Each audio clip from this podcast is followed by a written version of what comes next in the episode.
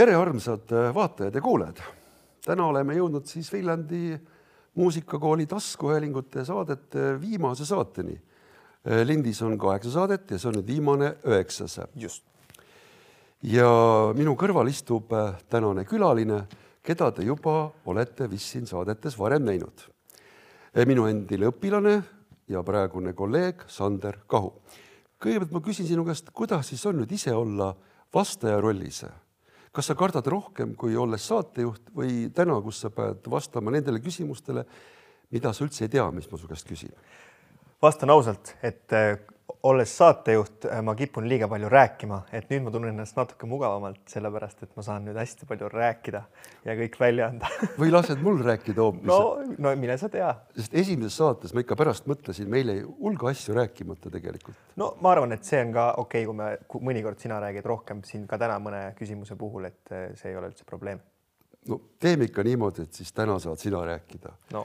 ja tuleta mulle meelde, kui ma liiga palju peaks hakkama siin äh, liiga pikki küsimusi esitama sinu käest. teeme nii. sa oled tõesti ette võtnud suure töö, et seda saatet ja saateid läbi viia siin. ja mind huvitaks kõigepealt see, et miks sa selle asja üldse ette võtsid? kas sul ei ole üldse nagu tööd enam või, või milles on asi?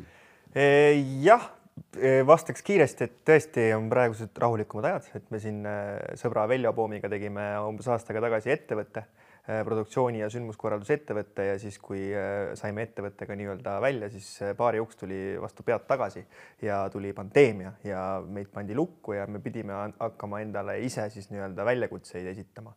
ja siis olles nüüd teise laine harja peal ka ja siis mõtlesime, et võiks mingeid ägedaid asju teha ja siis hakkasin mõtlema nii-öelda sisulisemaid asju ja midagi, midagi sellist, mis nagu, mis võiks olla ja anda ka endale midagi tagasi. et võib-olla miks äh, ma seda tegin, kõige lihtsam oleks vastata nii, et äh, kui ma olin noor poiss, siis ma siia muusikakooli tulin kogemata. ma tulin äh, sellepärast, et mul õde käis siin eelastmes ja kuna ma Jakobsoni kooli teises klassis käisin õhtukoolis, tuli mul ema järgi, viis õe eelastmesse siia Maie Tamra sinu ema juurde tundi ja siis ma ootasin koos emaga kõrvaklapid peas, kuulasin, kuidas lauldakse. siis äh, ühel hetkel Maie Tambre ütles mulle, et Sander, et mis sa siin ukse taga istud, et äh, sa oled küll teine klass, aga sa võid eelastmesse ka liituda ja siis ma läksin sinna eelastmesse ka nii-öelda liitusin selle tunniga. võib-olla see kandis sel hetkel teist nime, ma täpselt ei mäleta, aga igatahes siis ma õega koos seal olin ja siis loomulikult helistas mulle Kalle Tambra ja ütles, et äkki ma tahaks proovida üks sisseastumistel ka osaleda. ja siis me õega läksime koos, astusime sisse kahte kahu ei võetud, esimene kord võeti mind. tahtsin kitarri hakata õppima, aga sügisel alustasin trompetiõpikuid, sellepärast kitarriõpetajat tol hetkel ei olnud.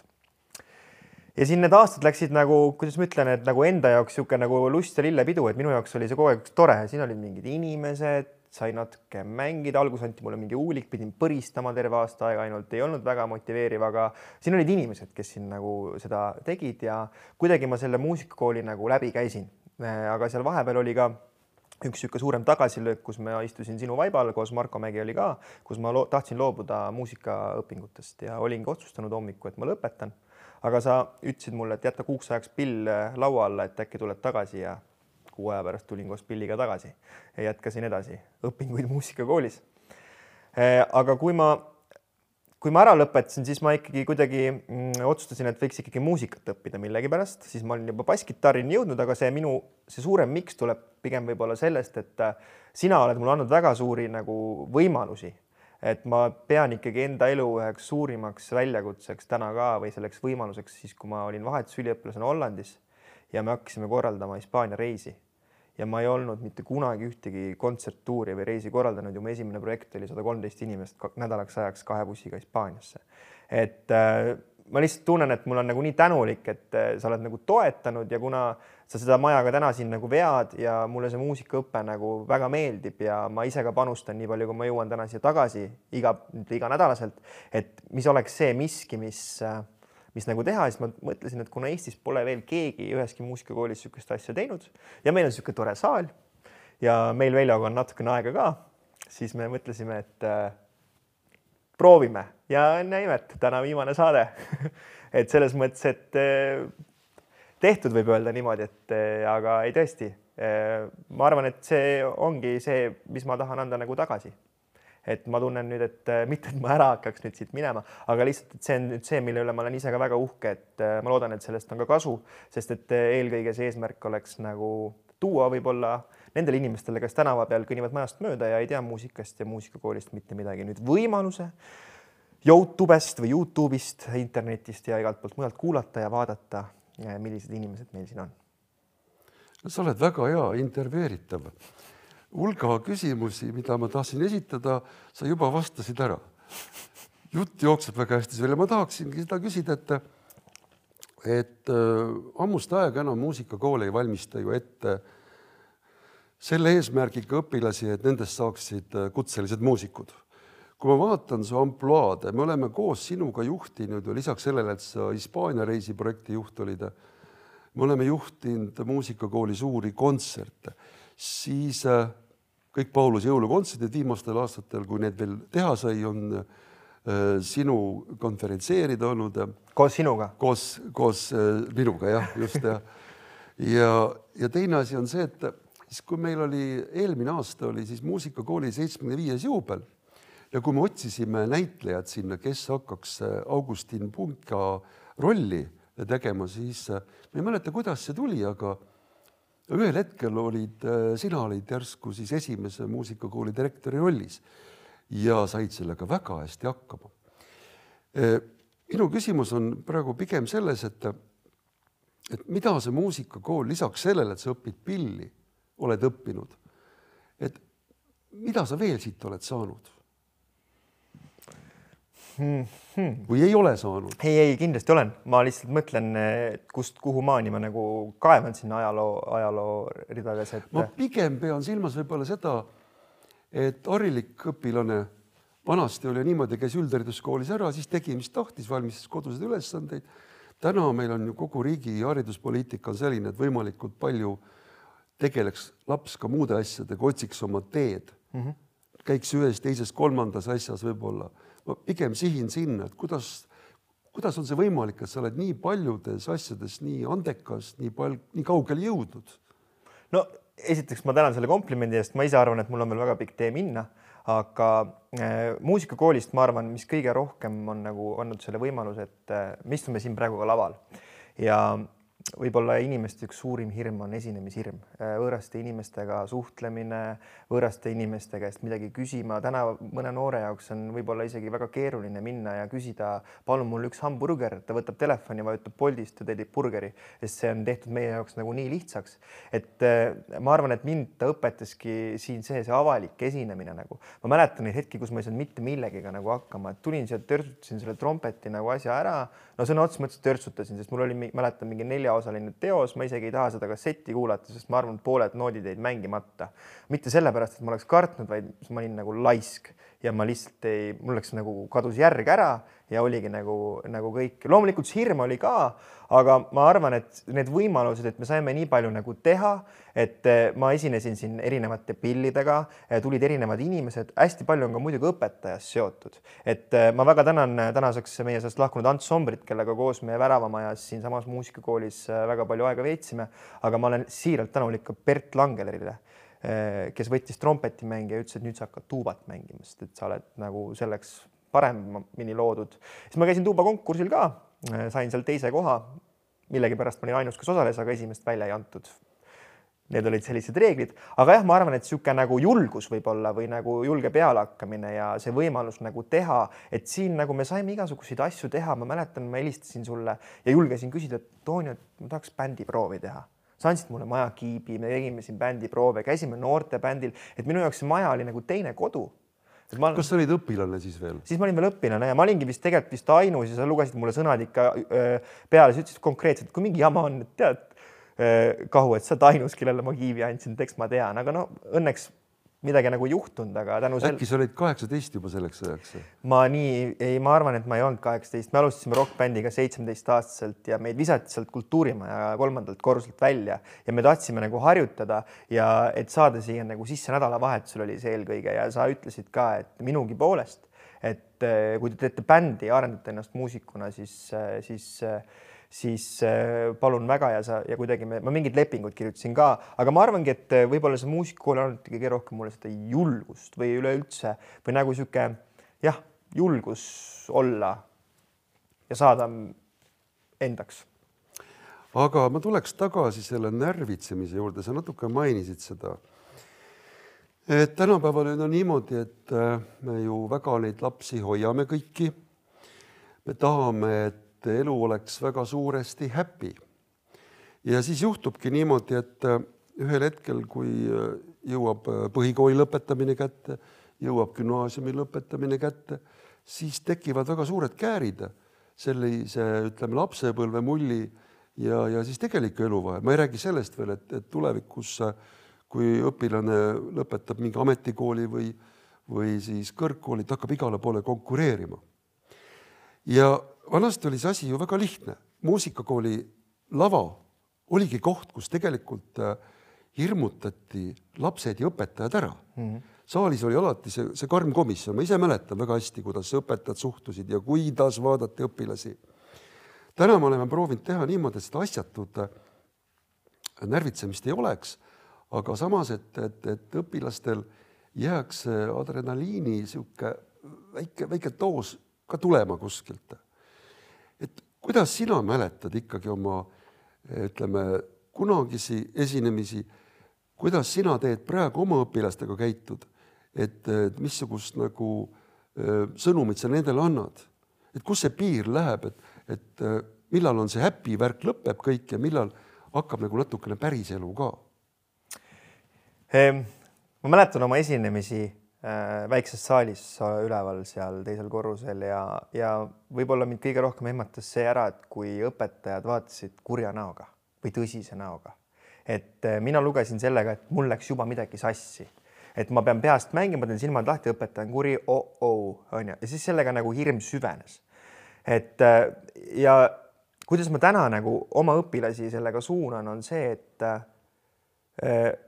esiteks esinemised peavad olema, see on mingi tähtaeg, et me peame selleks hetkeks ära õppima mingid asjad, et meil ei oleks ainult fun.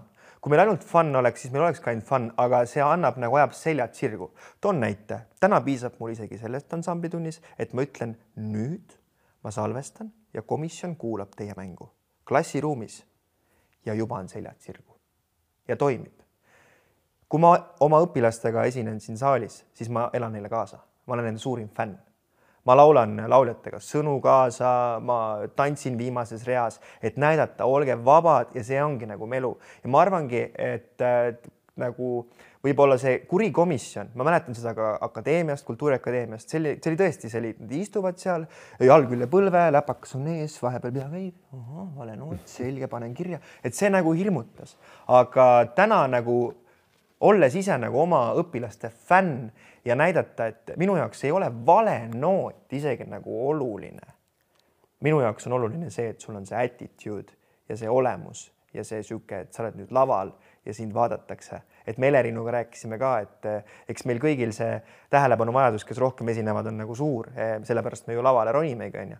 et eh, aga ka seda nagu öelda noortele, et kui te laval olete, siis te olete pildis ja nautige ja, ja see on kuidagi tänaseks nagu toiminud, ma ei tea, kas ma vastasin su küsimusele. Lähen... väga vastasid, aga äh, küsin siit edasi täiendava küsimuse kohe, et praegu on ju olukord, kus kõik on maskides, eks ju mm. -hmm.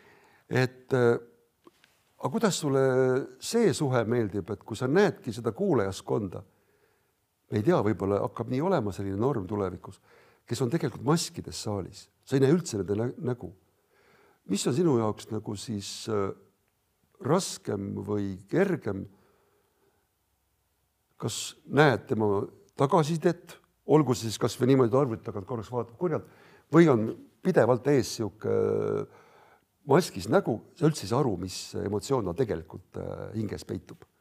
Äh, ma arvan, et see oleks hirmutavam. see maskis variant. just, sest et äh, ma mõtlen nagu, kui ma teen nagu mingis kontekstis pean tegema inimestest pilte, siis ma alati ütlen, nii tore on näha, et te kõik naeratate. aga tegelikult ju me ei näe ja see ongi hirmutavam, et ma ei näe emotsiooni. ja kui me ei näe emotsiooni, siis tekitaks mul täna rohkem nagu pinget. et sellepärast ma tean, et täna meil on võib-olla esinemistel on ainult üks äh, silm, kuhu vaadata, kaamerasilm. Ja see, et ma arvan, et mõneti on see nagu isegi nagu ei ole nii stressirohke eh, ja, ja see on nagu parem variant, aga jah, kui mul oleks täna valida, kas maskita või maskis, siis kindlasti ma valiks maskita inimest, kellele mängida neid komisjoni lugusid, sest maskis oleks minu jaoks veel hirmutavam ja kui ma elaksin täna selles hetkes, praegu õpiks ja mul oleks maskis komisjon, kes vaatab maskis üle arvuti, siis ma arvan, ma oleks veel rohkem paanikas ja ma räägiksin viie aasta pärast teist juttu.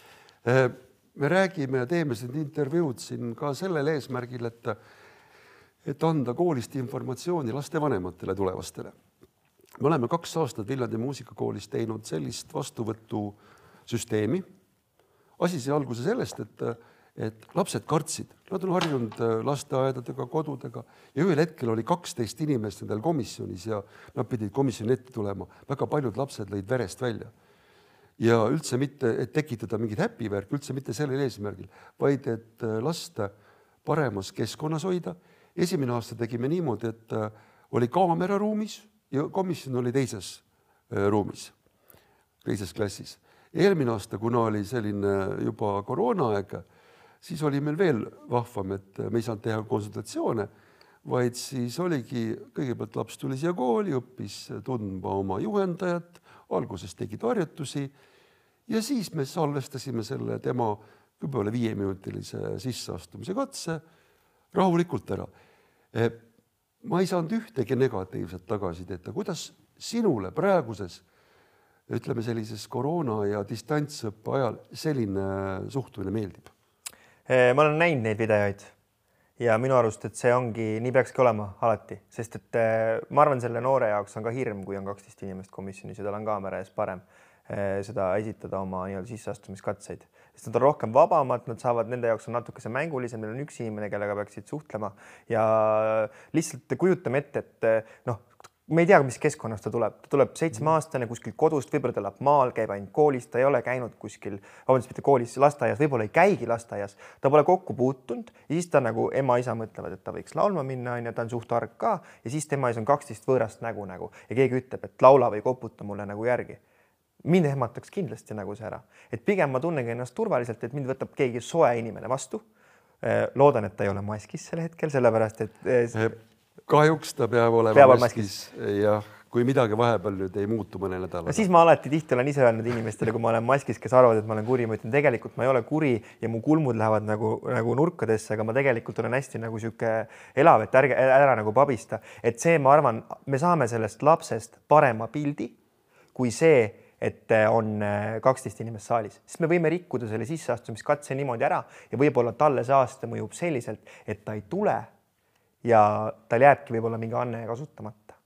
et pigem ma arvan, et see tulevikku vaadates on ta äh, vähem pingelisem, teiseks komisjon ei pea kokku sõitma, nad saavad vaadata seda igast ajast, igas kohas ja igas hetkes, et, et see lihtsustab, ma arvan, kogu planeerimist ja ka lõpptulemust muidugi seal on see asi, et me võime panna siis selle maskis äh, õpetaja kõrvale ka tema pildi, kus ta ilma maskita naeratab näiteks, et äkki sellest oleks äh,. äkki sellest oleks kasu, kasu. ja muidugi meil on kokkulepe niimoodi, et me need videod, äh, mis sisse astutest on pärast noh, kohe kustutame mm. -hmm millest natuke kahju isegi, väga kihvt oleks vaadata võib-olla kümne aasta pärast, kuidas keegi on äh, sisse astunud. aga mine sa tea, võib-olla tuleks panna see klausel, kui olete sisse astunud, kas lubate jätta video alles, et lõpetades meenutada? no see aasta me ei tee seda. võib-olla tulevikus, sest praegu on ju noh, need seadused ja kõiki, see kord on päris karm ja mm, -hmm. ja mhm. ma ei taha küsimusi ja probleeme tekitada siin. aga tuleks nüüd jälle nende väikeste laste juurde tagasi, kes astuvad kooli sisse. ja sa ju tead, et et äh, meil on ju selline komme, et me tahame kõikidele lastele hästi palju põnevat ja huvitavat tegevust siin muusikakoolis võimaldada. et ei ole niimoodi, et on ainult kolmkümmend pianisti ja ütleme nelikümmend trummarit, mis tegelikult vastuvõtu ankeetide järgi võiks olla vabalt. me suuname neid pilli, erinevaid pille mängima. nüüd, mida sa selle kohta ütled, selle selle mõtte kohta, seda me oleme seda juba aastaid kaksteist, kolmteist rakendanud. kuidas sa suhtud sellesse, et, et ütleme, sinu laps tuleks kooli, ta tahab mängida viiulit, aga tuleb välja, et ta viiulit ei saa mängida. pannakse hoopis mängima näiteks flööti või klaverit. kas see on nagu sinu meelest natukene niisugune halb asi või, või kuidas sa suhtud sellesse? No see on hea küsimus, sest mina tahtsin ka kitarri tulla õppima, aga ainult trompet, et ma olin nagu eh, samas olukorras eh,. ma tagantjärgi täna õpetajana saan aru, miks mulle kitarri asemel anti trompet, aga pärast anti ka kitarr eh, et ma saaks nagu rohkem. Eh, ma arvan, esiteks, et äh, täna noorel lapsel on üldse, loomulikult meil tekib kirg või huvi mingi instrumendi vastu, võib-olla mul on kodus kitarr, võib-olla mul on kodus flööt ja ma tahan tulla seda õppima, võib-olla mul vanaisa mängis akordionit, aga tegelikult ma näen, et minu enda näitel sa tegelikult leiad siin selles keskkonnas oma õige instrumendi. ma alustasin ju tegelikult äh, trompetiga, vahepeal mängisin natuke kitarri siis natuke klaverit, siis ma hakkasin tuubat mängima, ma ei taha öelda, ma lihtsalt ma õpin nagu kompisin nagu, nagu ma ei, ma ei öelda, ütle, et ma oskan klaverit mängida, lihtsalt ma nagu proovisin. ja siis ma ju tegelikult lõpetasin, ma ei lõpetasin, ma lõpetasin tuuba erialal, aga ma astusin ülikooli ju basskitarri mängijana, et tegelikult ma jõudsin alles nagu seitsmeteistaastaselt sinna teise pillini, aga ma arvan, et tulles selle küsimuse juurde tagasi, et mida muusikakool nagu soovitab, siis mina usaldan ja me oleme rääkinud ka, et tegelikult meie õpetajad teavad ja näevad seda inimest, kellel on eh, võib-olla rohkem, kui mul on väga pisike käsi, on ju, siis võib-olla ma ei hakka tšellot või klaverit mängima, võib-olla minu jaoks on mingi muu pill, noh, ma ei tea praegu nii eriala spetsiifiliselt on ju, sama hästi ma saan öelda, et kui sa täna seitsmeaastasena ütled mulle või lapsevanem ütleb, ta tahab, et tava seitsmeaastane poeg hakkaks kontrabassi mängima, siis ma ütleks, et aga alustage tšellost. et noh, mis me, te olete lihtsalt noor, tehke neli aastat tšellot ära, tuleme üle, lähme nagu edasi, et pigem mina usaldan muusikakooli õpetajaid suunamaks, sest tegelikult ju see pilli pakkumine tuleb pärast seda, kui me oleme seda inimest näinud. Ja alati Viljandi muusikakool tuleb vastu kõikidele õpilastele, kes ütlevad, et nad tahavad oma pilli vahetada, me ei ole kunagi jätnud kedagi nagu vahetamata, lihtsalt see ongi see, et meie nagu, nagu soovitus. Ja loomulikult on kindlasti ka neid, kes nagu nõuavad ja tahavad näiteks äh, torupilli mängida, nad ju alati saavad ka seda mängida, aga orkestripilli õppimine, ma arvan, on nagu natuke nagu kuklas meil, mida soovitatakse nagu ka et äh, Viljandi muusikakoolil on meeletu kogukond, meil põhimõtteliselt iga kolmas mängija mängib ju sümfooniaorkestris äh,. meil on suur pere, me tuleme kokku laupäeviti äh,. me käime reisimas äh,, meil on tore, me teeme nalja, me kasvame koos, sest ma usun, et head asjad saavutatakse ainult väga heas meeskonnas, nii juhtimisel kui ka kogukondlikult. minu jaoks on see pisikene kolmene või neljane seltskond, kes sööb siin äh, kahe suu poolega juustupirukaid ja Coca-Colat ja läheb trompetit mängima, olenemata sellest, et õpetaja ütleb, et hambaid peab pesema. Nad on meeskond ja nad tulevad sellepärast kokku, mitte sellepärast, et koos mängida, nad on nagu tore, neil on fun, nad mängivad selle ära. aga kui ma vaatan seda melu reisidel, mis ma näen ka, siis tegelikult nagu mul on nii korduvalt lapsed öelnud, et tegelikult neid kontserte ei olegi vaja. Nad valivad oma klassi ekskursioonide asemel meie reisi ja nad tulevad ja on. Ja ma ütlen, sellega on seotud nii juhtimismeeskond kui ka need kõik väiksemad meeskonnad, sest me alati ju märkame ja aitame neid, kes on võib-olla jäänud äh, mõnest meeskonnast välja, et keegi on nagu tõrjutud siis mina olen korduvalt, kas on mingi mure, kas ma saan aidata, on ju, et lihtsalt nagu et toetada neid inimesi, me toetame neid ja ma olen siiralt õnnelik ka nende laste suhtes, äh, rääkides sellest noh, valikust ma jõuan nüüd sinna lõpetades, et kui nad otsustavad näiteks, et tead, Sander, kõik oli tore, aga ma muusikat edasi õppima ei lähe. Väga hea, sa oled jõudnud oma selguse, aga jah Eh, pilli valikul ma usaldan õpetajaid ja ma arvan, et see ongi okei okay,, kui õpetaja suunab ja me tegelikult ei ütle, et sa saad, vaid pigem nagu küsid ja ma mäletan, minu näitel öeldi ka, mängi aasta trompetit ja võta aasta pärast kitarri juurde. ma mängisin aasta trompetit, võtsin aasta pärast kitarri, kahe aasta pärast mängisin trompetit edasi ja kitarr on siiamaani veel poes. et peaks ära tooma makstud on ja? ei, makstud veel ei ole, kusjuures ei, ma praegu vist natuke blufin, sest ma mäletan, et mu esimene bänd oli Paistu Rahvamäe, siis ma mängisin ka kitarri, ma oskasin kolme tuuri A, D, E, seal ei olnud F-tuuri, seda barreega ei pidanud võtma ja siis meil see meloodia viis oli E-keele peal, et see oli minu kitarrikarjäär, et äh, täna see kitarr seisab pilliruumis äh, ja see kitarr on mõeldud eelkõige bändides õpilastele, kellel võib-olla kodus ei ole elektrikitarri, et see. Kas ma võin nagu sinu jutust aru saada, et, et see pill tegelikult ei olegi nagu kõige tähtsam asi, et pill on nagu vahend millegi saavutamiseks või, või ütleme meie poolt vaadatuna, kooli poolt siis vaadatuna, et me läbi muusika nagu õpetame ja kasvatame neid lapsi. ma arvan, et see on nagu koosmäng pigem, et minu jaoks see pill, jah, koosmäng on see, mis viib edasi, et see on see meeskonnatunde tekitamine, selle jaoks on meil nüüd rütmimuusika ansamblit, et mul on see pilootprojekt väga väikestega nagu, kus on kaheksa-üheksa aastased, väga raske on, eriti noh, praegu Zoomi tundides ka, et me ju pilli tegelikult ei mängi, on ju, ma teen neile taustalood, ma loodan, et mängivad, noh, aga ma ei saa seda garanteerida, aga ma hoian seda meeskonnatunnet et ma teen mingeid muid tegevusi, et kuna mu eh, üks mu sellest eh, tööst ja mis me Veljoga ka teeme, me korraldame sündmusi ja meil on mingeid meeskonnamänge ja ma praktiseerin paljusid asju, mida ma tegelikult teen nagu suurte firmadega, ma natuke modifitseerin ja toon siia ruumi nagu neid mängulist nagu, et seda meeskonnatunnet, sest me sündmust korraldades ja ka rõhume ka meeskonnatundele, et oleks nagu niisugune teistes olukordades meeskonna proovile panek. et jah. meie kooli see pilli, pillide hulk, mida siin õppida saab, on ju noh, on ebaloomulikult suur. et tõesti kõiki pille saab õppida alates arfist kuni torupillini, sinna vahele mahuvad kõik, kõik, kõik pillid, orelid, klaverid, klavessiinid kusjuures. ja ma küsin niisuguse asja sult, et, et jah, kool on seda võimalust pakkunud, olles maakonnakeskus, me tahame, et, et Viljandimaal iga laps ükskõik, kus ta ka elab siin Viljandimaa piires, et äh, Viljandi muusikakool ka garanteerib iga pilli õppimise. nüüd sa oled teinud siin hulga intervjuusid erinevate küll vilistlastega, õpetajatega, dirigentidega siin, et äh, mida sa nendelt oled siis nagu kõrva taha pannud sellise valiku väga suure mitmekülgsuse osas nagu, kas see on nendele ka mõjunud kuidagi mm.? Jah, nii selles mõttes, kui me, et eh, keegi ei ole öelnud küll, et oleks jäänud mingi pillivaliku taha, et pigem nagu, kui me Riivoga rääkisime, et see on uskumatu, Viljandi sümfooniaorkestris on võimalik eh, ka klaverimängijatel osaleda. et eh, pigem on see, ütleme, see mitmekülgsus ja see soov andnud nagu võimaluse nagu kõike teha, nagu sa ütlesid, me ei sea piire. et kui meil on vaja mingi erilise pilli õpetajat, siis meil on ka nagu see erilise pilli õpetaja, näiteks nagu ka mina mingil hetkel olin ühe õpilase pärast kontrabassi õpetajana tööl, et äh, muusikakool leiab selle võimaluse, et me ei sea instrumendi valikul piire ja ma arvan, et äh, ja meil on ka oreliõpilasi.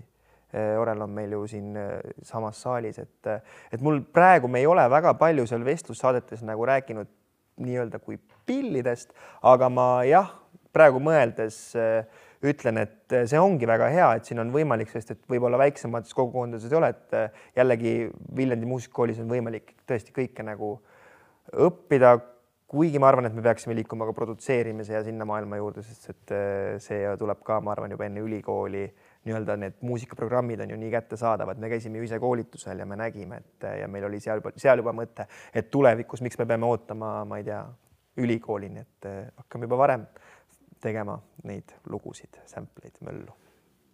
aga nüüd ma küsin hoopis teist asja sinu käest. ma küsin niisugust asja, et, et kui sina peaks olema Viljandi muusikakooli direktor mm. -hmm. laval oled sa muidugi olnud seda. ja mida sa täna aastal kaks tuhat kakskümmend üks ja siis teine mai, mida sa hakkaksid muutma, ümber tegema, mida sa teistmoodi teeksid? mina võib-olla paljusid asju tean, aga ma tahan, et sa siin ka räägiksid seda, kuna sa olid meil arengukava meeskonnas, sa olid äh, üks äh, nii-öelda siis grupijuhte mm., siis et just lastevanematele ja meie külalistele nagu anda märku, et, et, et muusikakool Viljandis ei ole valmis ja seda muusikakooli me teeme koos edasi. ja nüüd ma tahaks ka sinu käest teada, kuhu suunas me seda koos teeme see on väga põnev, sest et sellest on ju päris pikalt nagu möödas ka, aga kui ma praegu nagu vastan, siis jah, ma olen öelnud selle asja välja, et tegelikult äh, minu arust nagu me ei ole enam õpetajad. me oleme eeskujud, me oleme influencer'id, need, keda Youtube'is jälgitakse, me peame olema äh, tsirkuseartistid, klounid, me peame olema inimesed, kellega noored tahavad koos õppida. punkt üks. punkt kaks koos mängu äh, individuaalset õpet võib-olla, me käisime Hispaanias, nägime seda ka, et see kogukonnatunnet rohkem, et meil oleksid väiksed nagu meeskonnad. tänases kontekstis, kui sa nüüd praegu küsid, on ju, et, et me ju ennist rääkisime ka, et äkki kakskümmend kaks mai me saame väiksemates koosseisudes nagu midagi nagu teha, on ju, et võib-olla täna see rõhk olekski noh, vaadates olukorda maailmas, et et tehagi nagu rohkem väiksemate koosseisudega tööd, aga see on nagu keeruline, sest et ühest küljest valitsus võtab raha vähemaks, teisest küljest koormust tuleb nagu juurde, et seda on nagu raske teha, kuigi meil on see nii-öelda infoajastu ja see võimalik, et me saame natukene asendada ka neid tunde nagu ka virtuaalses keskkonnas. loomulikult et ma mõtlen kokku tulemisi on ju, et ma olen ise ka öelnud, et kui roheline tuli tuleks praegu, ma olen nõus isegi leidma selle aja või kuidagi nagu seda tegema, et saaks noored kokku tuua, et nad saaks mängida, sest see nälg on nagu nii suur. Ehm, neljandaks jätkaks kindlasti välisreiside tegemist, sest see on suur motivaator, sest et see annab nagu kaasa. kus kontsert ei peagi olema, ainult lähme kuskile. ainult lähme. aga Sander, kas sa tead ka, et kui me kontserte ei teeks, siis see reis poleks üldse see. ei, seda küll. jääks see, see see, see pinge ja see, see rahuldus heast kontserdist jääks ära ja siis oleks asi teistmoodi jah, selleks ja ei kindlasti see peabki, ma just mõtlengi, et see lastel minu jaoks mitte, et ma ei tahaks, nad esineksid, vaid pigem nagu see, et, ähm, et neil on nii tore, et nad muidugi esinevad, aga neil ei oleks seda vaja, sest tegelikult tunnevad ennast seal keskkonnas nagu hästi ja Viljandi muusikakool loomulikult nagu areneb ja ma arvan, et me väga palju digitaliseerime ka ja andes võimalusi täna juba praegu anname valida mingid ainete üldse kuulamist, et äh, õpetaja Maret Tomsoni aineid me siin oleme vaikselt salvestanud, et nad saavad ise oma muusikaajaloo tundi vaadata siis, kui nad tahavad. et selles mõttes, et, äh, et see digitaliseerimine äh, jääb kindlasti ka, ma arvan see on tulnud, et ka natuke nagu jääda, et me praegu ka ju investeerime sinna selliselt, et, et saada, et need, et need asjad ei kehtiks ainult ühe hetke, et see annab meile suuremaid võimalusi, teisest küljest nagu ta eelarveliselt natukene on ju ka parem. aga Sander, aga kuidas siis ikkagi ütleme, kui sina oleks lapsevanem ja, ja homme tood lapse muusikakooli ja vaatad, et no mida siin õpetatakse, siin õpetatakse klarnetit ja klaverit ja flööti, trompetit aga tegelik muusika, mis meie ümber on, on ju hoopis teise kõlavärviga, hästi palju elektroonikaid, igasuguseid äh, samplereid täis ja luupe täis. see on ju nagu uus maailm ja ometi me teame, et ütleme Bachi ajal nii suurt erinevust ja kontrasti ei olnud. täna on see kontrast ju selles, mis tuleb raadios, seda, mida meie õpime, on väga suur mm. -hmm. kas äkki peaksime mingi kannapöörde tegema või, või kuidas, ma ei tea jah. jooksus eks... ei ole niimoodi, jalgpallis pole niimoodi mm. -hmm. seal on kõik nagu tasakaalus, aga muusika õppimises on nii, et tundub nagu ma oleks kuskil kaks sajandit tagamaas. kas ei ole niisugust tunnet vahest sul või? On ja ei ole ka, see tihti nagu oleneb, et ma tean, miks see, see on see, me oleme seda arutanud ka, et me konkureerime tegelikult ju Youtube'i kooliga ja me konkureerime kõikide muude veebikoolidega, eks ole, nagu sa ütlesid ka oma saates, et see ongi nagu keeruline, aga meil on see meeskonnatunne. Youtube'is sa mängid üksi selle esinejaga, tuled siia ja mängid, miks klarnetit?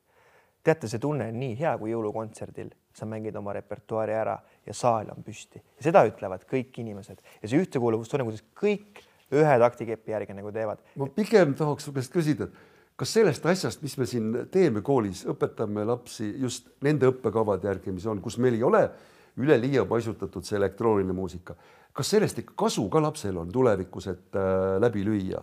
muusikuna? no näiteks, kui ta tahab muusikukarjääri jätkata või no ma ei tea